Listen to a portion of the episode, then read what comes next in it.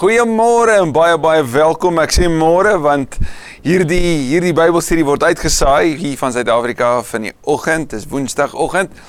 Maar vir van julle is dit dalk aand of dis dalk middag. Dalk bitter bitter vroegoggend. In elk geval hoe dit ook al sê, hy daar. En baie baie welkom by ons saamkuier, ons saamreis met Kohelet, die prediker.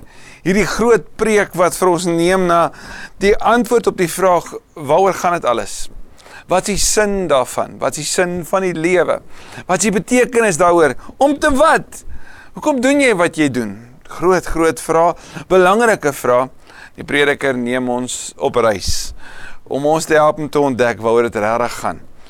So dankie dat jy ingeskakel het. Weet jy dat daar waar jy nou sit, is dit die een oomblik in jou lewe wat so 'n prediker 3 al vir ons kom leer wat vooraf bestem is dat die Here kom sê dat elke ding het 'n bestemde tyd, 'n vaste tyd. En dat dit daarom 'n geleentheid is wat ons nie moet mors nie. Hierdie geleentheid nou saam met die woord van die Here. Kom ons mors dit nie. Kom ons drink dit in. Kom ons stel ons lewens oop. En vra Here vir hierdie dag in my lewe wat ek nooit ooit weer in my hele lewe gaan kry nie. Wil U asseblief nou aan die woord wees. Kom ons bid dit saam. Dankie Here Jesus dat ons vandag kan weet dat U aan die werk is in ons lewe en in ons wêreld. Dat ons kan deel in 'n netwerk van van gemeentes wat saamwerk om die koninkryk reg oor die wêreld uit te brei.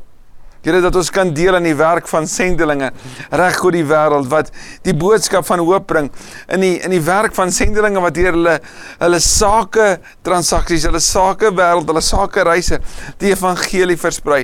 Dokters reg oor die wêreld, onderwysers, hoe dit ook al sê, mense wat ook vanuit hulle beroepe, vanuit hulle lewens, vanuit hulle huise sê Here maar gebruik ook hierdie ruimte, gebruik my stem, gebruik my gawes om om die goeie nuus te versprei.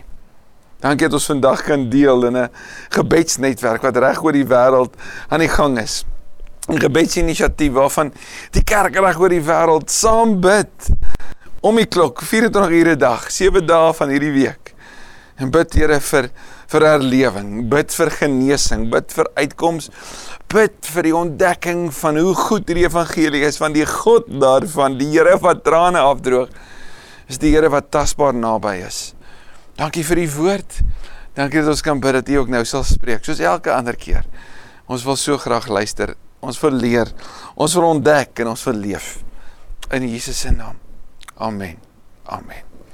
Prediker 5 as jy onthou verlede week hoofstuk 4 het Prediker begin met die groot vraag vir wie sloof ek my af? Om te wat? Hy het gaan kyk na die na die sakewêreld en hy het mense daar gesien. Onthou jy hy het eers begin by die by die markplein. Hy het hy het by die hof begin en by die markplein en toe is hy na die handelsroetes toe. En uiteindelik het hy aan die einde van hoofstuk 3 verlede week het hy of hoofstuk 4 ekskuus, het hy gestop by die paleis en hy het gesê al hierdie dinge is hier wel Dis niks, dis nietig. Daar's 'n koning wat droog gemaak het en daar's 'n jong man wat wat arm groot geword het en die jong man was uiteindelik die een wat aansien gekry het en die koning wat dwaas was se aansien het verlore geraak. En toe gaan hy en hy hy kan sê maar hier in die, in die, in die, in, in hierdie wêreld waarin mense sukses so najag het ek gesien hoe een persoon sukses bereik maar stoksied alleen is. En in die middel so amper as 'n toebroodjie van hoofstuk 4 nê, het hy daai twee vaar beter as een dat die sin van die lewe regtig verhoudings is. Dat ons dinge saam moet doen, dat ons saam meer kan doen. En dat ons uiteindelik kan sê maar 'n driedubbele tou breek nie maklik nie. En hy eindig dan hoofstuk 4 met met daai kort woorde wat 'n 'n band is, 'n brug is tussen hoofstuk 4 en hoofstuk 5 wanneer hy sê wees baie versigtig as jy na die huis van die Here toe gaan. Wees versigtig wat jy daar doen. Dit is beter om te luister as om te praat. En so sluit hoofstuk 5 dan daarbey aan. Vers 1 sê moenie te gou praat nie.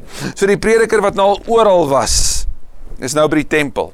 Want waar daar gepraat was met die Here was by die tempel. En dit sluit aan met die laaste vers van hoofstuk 4. Moenie te gou praat nie. Moenie oorhaastige belofte aan God maak nie. Onmiddellik kom sê die prediker vir ons, pas op wat jy sê. Pas op wat jy bid. Net nou voordat ons begin het, het Sander gebid en gesê Here, kom toets my woorde. Toets die woorde wat ek bid, want ek wil die waarheid bid. Soos wat Psalm 139 sê, deurgrond my o God, deurgrond my hart, ondersoek my en sien my onrus raak. Lei my op die regte pad. So pas op wat jy sê en jy weet wat gebeur in gebed, nê? Veral wanneer ons deur krisisse gaan. Dan gaan ons deur 'n fase wanneer jy al so lank gebid het en en jy beleef daar's nie uitkoms nie, dan kom jy by 'n plek van bargaining. Jy sê vir die Here, Here, as U hierdie vir my doen, dan sal ek daai doen. Prediker sê pas op. Hoekom? Want God hoor. Nie net sê Openbaring 5 ons, daar's 'n gebedsbak waar jou gebede voor God verskyn nie. Prediker kom self ons eeue voor dit die Here hoor. So pas op om te vinnig 'n belofte aan God te maak. Want hy is in die hemel. sien hy is soewerein. So as jy vir hom 'n belofte maak, weet dat hy wat die Here is, weet. En jy is op die aarde. Jy is tydelik. Jy is afhanklik van hom. Laat jou woorde daarom min wees. My ma het my altyd geleer, ons het twee ore en een mond en ons moet dit in daai verhouding gebruik. Maar wat die prediker ons ook leer is dat ek en jy kan nie die Here met baie woorde manipuleer nie. Wat sê Jesus wanneer hy ons leer om te te bid daar Matteus 6? Hy sê moenie 'n stortvloed van woorde gebruik nie. O, ons kan tog so lank bid. Ons kan ernstig bid en probeer om die Here daardeur te beïndruk. Maar die prediker sê vir wat? Moenie tel jou woorde want jou woorde tel. Dit tel vir die Here. Vers 2 baie doenigheid bring drome. Baie praat lei tot onverstandige woorde. 'n Goeie vriend van my se pa het vir hom gesê, "Don't tell me, show me." Moenie vir my kom sê van al jou plannetjies nie, wys my hoe jy dit gaan doen. 'n Ander vriend het het my altyd geleer, 'n mens kan sê wat jy dink, maar jy doen wat jy glo. So uiteindelik toets ons dit wat jy doen en dit wat jy glo aan jou dade. Nie in jou woorde nie. Dit is maklik om te praat. Woorde is goedkoop. Weeg niks. Daarom sê die prediker: "Wees versigtig wat jy sê. Wees eerder besig. Moenie probeer om net met jou woorde te beïndruk nie. Dit is amper soos wanneer jy op WhatsApp 'n voice message los, nê? Jy stuur so een stem boodskap. Dit hou aan en aan en aan en aan en niemand kan antwoord nie want jy's nog nie klaar gepraat nie. Dis nie asof hulle jou in die rede kan val en sê, "Wag, wat jy nou net sê is verkeerd nie." Dis een lyn, een stem, een rigting boodskap. Een rigting verkeer. Pas op wat jy sê. Baie praat lei tot onverstandige woorde. Vers 3: As jy aan God 'n gelofte gedoen het. Woord as jy beloof het, jy sê Here, ek staan hierby. Moet jy nie versuim om dit te betaal nie. En hier natuurlik by die tempel was die plek waar die offers gebring is. Onthou jy Hanna se belofte aan die Here daar in 1 Samuel 1 vers 9 tot 19? Here, as jy vir my 'n seun gee, gaan ek hom aan U teruggee. Ek gaan hom aan U wy. En toe Samuel gebore is, moes hy dit doen en het sy dit gedoen. En die groot profeet wat Samuel was, het uiteindelik vir Dawid ook by 'n plek gebring, nê, nee, waar waar hy gesalf is as koning. Hy hou nie van ligsinnige mense nie. Wat jy beloof het, moet jy betaal. Sien Jesaja 55 vers 8 en 9 sê God se gedagtes is nie ons gedagtes nie, dit is ver verhewe bo ons. So moenie te vinnig praat nie, moenie dink dat jy met jou kort vinnige woordjies die Here kan beïnvloed of beïndruk selfs nie. As jy gesê het jy moet iets doen, dan gaan die Here van jou en my vra om dit te doen. Dit is beter dat jy nie beloof het nie as dat jy beloof en nie betaal nie sien die Here sien ons opregtheid. So dis beter om te sê ek kan nie dit nou bid nie. Ek kan nie nou ja sê nie, want dan gaan ek jok. Ek wil liewer Here voor U wat heilig en goed is. Dit sê wat regtig waar is. As ek daarom kies om vandag stil te bly en dit is opreg, dan is dit baie baie beter as dat ek iets sê en dink ek ken nie die bedoelings van my hart nie. Vers 5 Moenie dat jou mond jou laat sondig sodat jy vir 'n priester moet sê ek het my vergis nie. Die ander woorde ek het vergeet om my offer te bring nie. Ek het vinnig gepraat maar nou sit nie hier nie. Gaan kyk 'n bietjie wat sê Jakobus dan hoofstuk 3 oor die tong en hoe gevaarlik hierdie tong is. En hoe ons hom moet oppas. Waarom sal jy God laat kwaad word oor wat jy gesê het en hom jou handewerk laat vernietig? Waarom sal jy jou verhouding met die Here wil belemmer? Deur goedkoop woordjies te gebruik. Ondersoek jou hart en wees opreg. Vers 6 daar's baie drome. Baie wat tot niks kom nie en ook baie woorde. So wanneer Salomo sê hy het na alles gekyk en geluister die om hom, die konings, die die mense in sy diens, hoe dit gaan by al die plekke waar hy nou al was. Sê weet, daar's baie dinge wat mense sê. Mense het groot woorde en groot gedagtes. Maar jy, kyk net hoe som hy dit op. Jy, jy individu dien jy vir God. En wat sê Spreuke oor oor dien? Hy sê wysheid begin met die dien van die Here. So jy, leef jy 'n wyse lewe. Moenie baie drome loop en praat en vertel net nie. Doen wat goed is. Doen wat reg is. Doen wat die Here van jou vra. Dien jy vir God. Uiteindelik sal Prediker 12 vers 13 en 14 juis dit vir ons mee opsom. Dat die dien van die Here is die sin van die lewe. Dis eintlik waaroor dit gaan. In die Nuwe Testament leer ons hierdie woord van van dien as die woord doulos om 'n dienaar te wees. Wanneer Jesus voete was, dan wys hy vir ons hoe lyk die lewe van 'n doulos op jou knieë waar jy ander dien. Nou hier kom sê die prediker, ek en jy moet die dienaars wees van die Here en as ek hom dien, dan bepaal hy wat ek doen, né? Dan bepaal hy wat ek sê, dan bepaal hy die standaard van my lewe. Hoe ek omgee, uitreik en dis meer. Vers 7 sê as jy sien dat arm die as jy sien die armes word verdruk en daar is geen reg en geregtigheid in 'n gebied nie, moet jy jou nie daaroor verbaas nie. Hierdie prediker wat nou al oral was, hy was selfs by die tempel, is nou by die stadsaal. Hy's nou tussen die politici. En hy sien hoe die politici hulle mag misbruik. Hoe armes steeds verdruk word en hy sê jy moet jou nie daaroor verbaas nie. Elkeen met gesag word beskerm deur 'n hoër gesag. En almal saam deur 'n hoogste gesag. Wat hy sê is dat elkeen met gesag het iemand anders wat sy rug beskerm, maar almal moet weet daar's 'n hoër gesag vir wie hulle verantwoording sal moet doen, naamlik God. God is die oppergesag.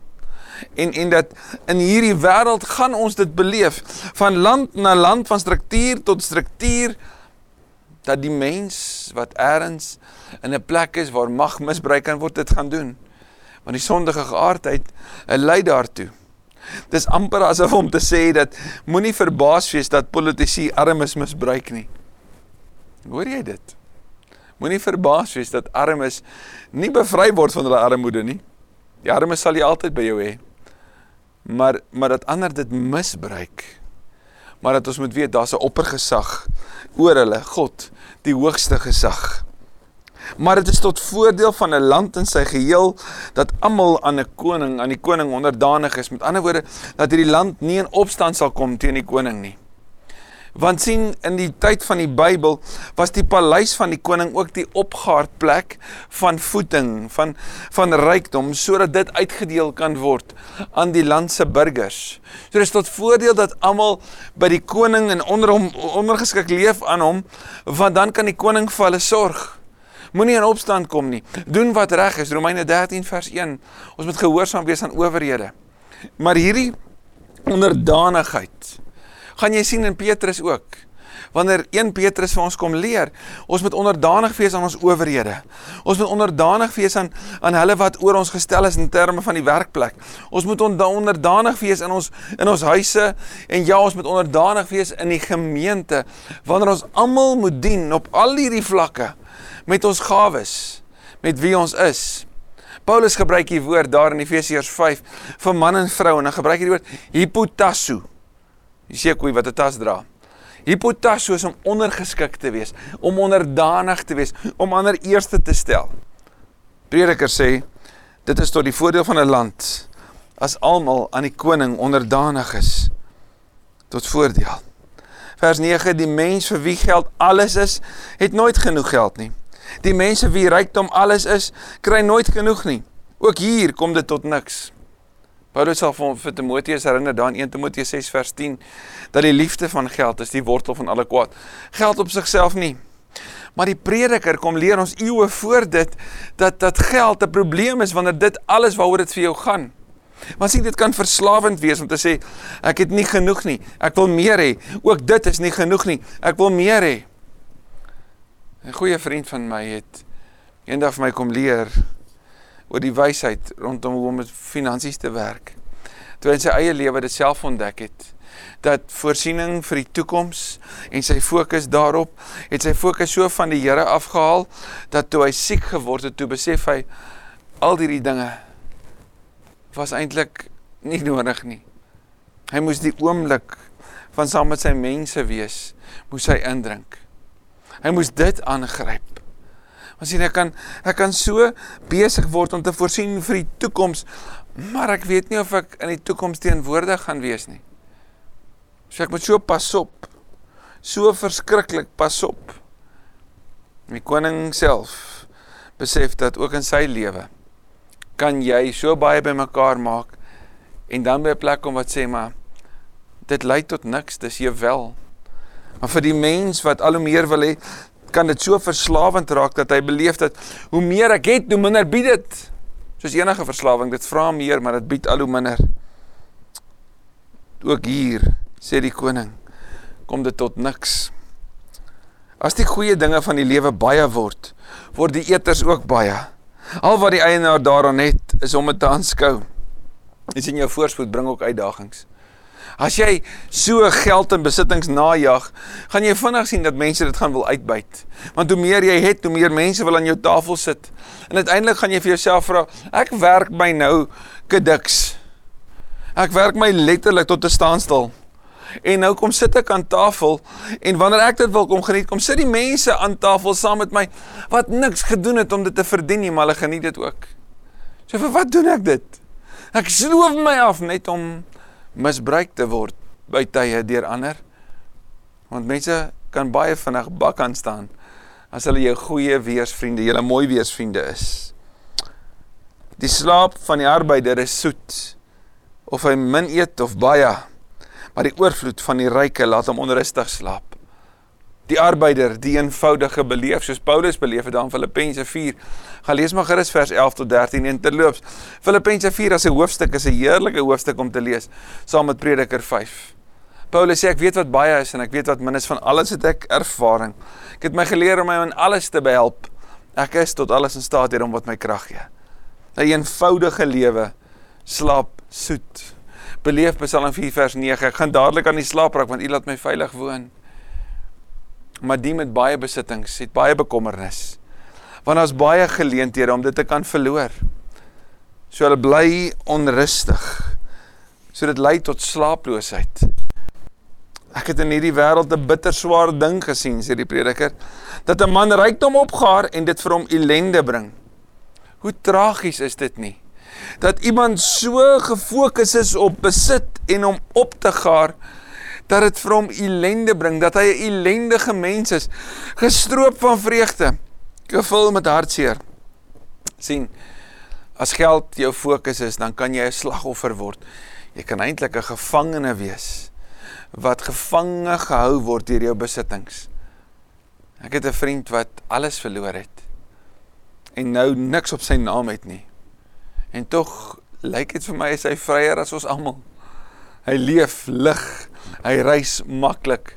Hy gee om. Hy's nie so ge, gebonde aan besit nie. Hy deel wat hy het. Want hy het geleer waaroor die lewe gaan. En hy leer nog steeds. En hy leer my. Self gaan hy kaal uit hierdie wêreld uit soos hy daarin gekom het, skus vers 13. Hy doen verkeerde sake en verloor die rykdom.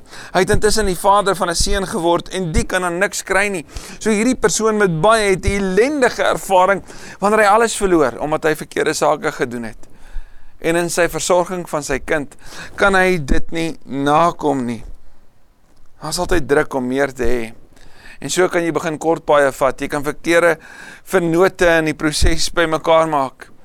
En daar's 'n klomp van ons wat wat ek weet wat wat vandag sou sê, dis waar in my lewe wat ek dit beleef. Ek het alles verloor toe ek die verkeerde vernoot gekry het. Iemand wat my van agter af bygekom het. Iemand wat my seer gemaak het. Iemand wat agter my rug besig was met dinge wat verkeerd was en uiteindelik het ek alles verloor. Uiteindelik het ek met niks uit die transaksie uitgestap nie. En die persoon het weggekom daarmee Vers 14 sê self gaan hy kaal uit die wêreld uit, soos hy daarin gekom het. Hy kan niks met hom saamneem vir al sy inspanning nie. Hy kan nie 'n venterwandjie saamvat nie want hy het niks om daarin te sit nie. Nie dat jy kan nie, maar hoor mooi. Hierdie persoon met alles eindig uiteindelik met niks. Ook dit is 'n bitter swaar ding. Presies soos hy gekom het, so gaan hy. Wat help dit dat hy hom verwind afgesloof het? Wat help dit dat hy alles gegee het en niks het nie? En geliefdes, ek dink ons moet nie hierdie te vinnig lees nie. Ons moet dit vir onsself ook vra. Vir wat help dit dat ek my afsloof om iets bymekaar te maak en die sin van die lewe in die proses te verloor? Wat help dit dat ek nors en ongelukkig voel die hele tyd? 'n Strak gesig het, geen ware vreugde nie. Vergeet van die vertoonvenster. Vergeet van die sosiale beeld wat ek probeer voorgee.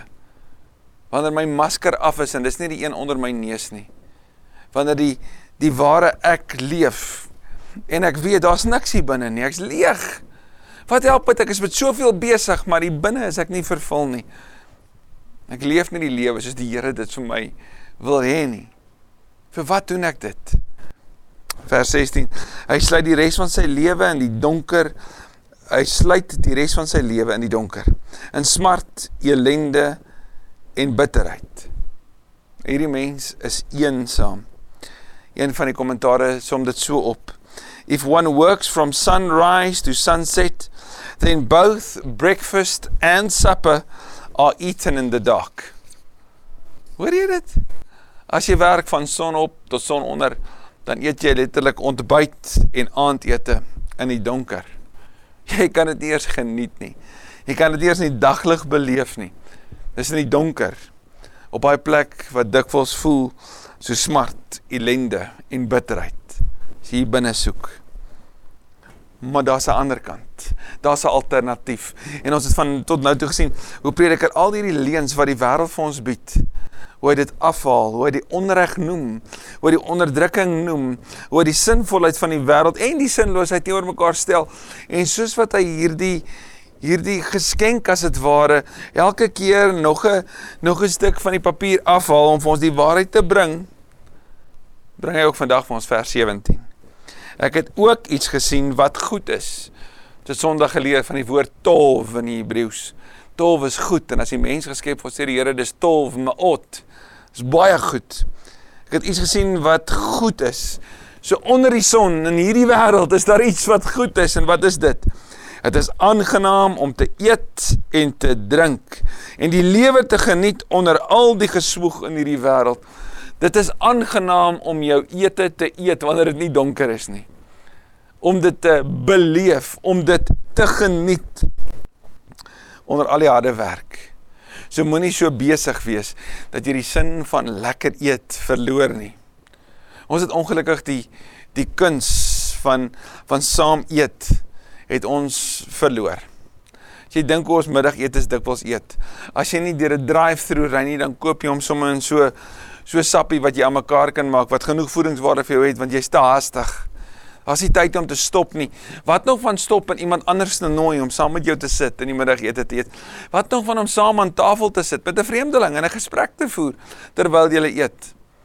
In Indië sê hulle meeting is eating. So jy eet saam wanneer jy bymekaar is. Ons maak te min van maaltye.